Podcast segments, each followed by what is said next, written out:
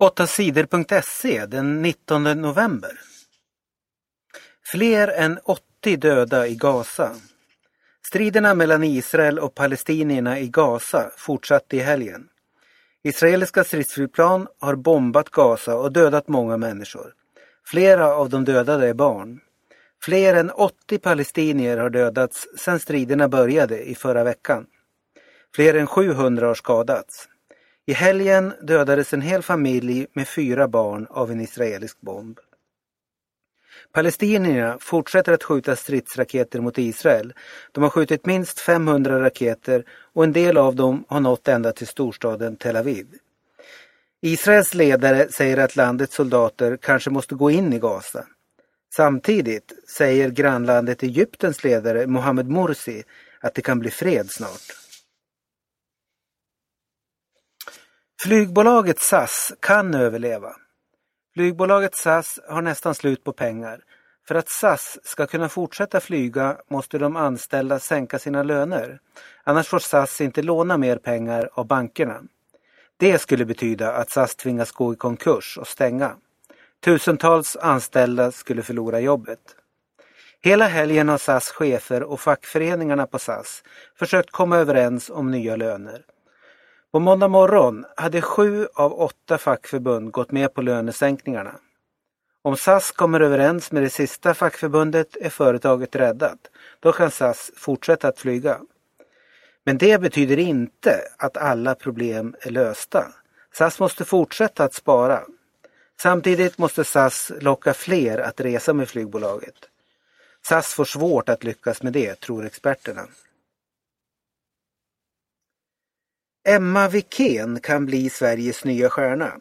Emma Wikén från Åsarna är ny i det svenska skidlandslaget. Men den här nykomlingen kan slå vem som helst. Det visade hon i helgens tävlingar i Bruksvallarna. I fredags vann Emma över storstjärnan Charlotte Kalla i loppet i klassisk stil. På lördagen visade Emma att hon kan åka snabbt även i fri stil. Hon blev tvåa efter Kalla. Ida Ingemarsdotter vann damernas sprint. Charlotte Kalla vann fristilsloppet före Eva Wikén. Olsson var snabbast i längdspåret. Johan Olsson var snabbast av längdåkarna i lördagens lopp på 15 kilometer fristil i Bruksvallarna. Han var 11 sekunder snabbare än tvåan Daniel Rickardsson. Det känns bra inför världskuppen i Gällivare nästa helg, sa Johan Olsson efter loppet. Daniel Rickardsson kan känna sig minst lika nöjd. Han vann fredagens millopp och blev alltså tvåa på lördagen. För Sveriges största stjärna i fristil gick det riktigt dåligt. Marcus Hellner kom på åttonde plats och var inte alls nöjd. Lars Nelson åkte bra båda dagarna. Han blev trea i fredags och fyra på lördagen.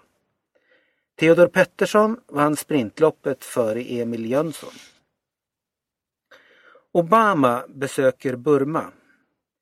I många år har Burma varit ett av världens värsta länder.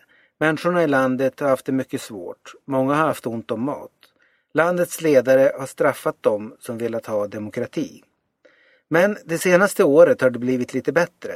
Burma har blivit mer demokratiskt. Det har blivit tillåtet med politiska partier. Burmas ledare har fått beröm av andra länder. Istället för att straffa Burma har de börjat samarbeta. På måndagen kommer USAs president Barack Obama till Burma. Det är första gången eh, en amerikansk ledare besöker landet. Barack Obama besöker Burma för att ge Burmas ledare beröm. Han vill tala om för dem hur viktigt det är att Burma blir demokratiskt. Tåg brann på stationen i Stockholm.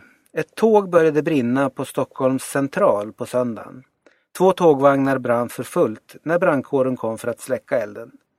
Tåget var tomt när det började brinna och inga människor skadades i branden.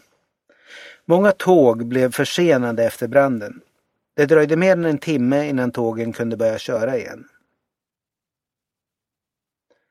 Stensson vann i Sydafrika. Golfspelaren Henrik Stensson vann en viktig tävling i Sydafrika på söndagen. Stensson vann före George Coetzee från Sydafrika. Det här var Stensons första seger i en stor tävling på tre år. Nu fick jag betalt för allt hårt jobb på träningen, sa Henrik Stensson efter tävlingen.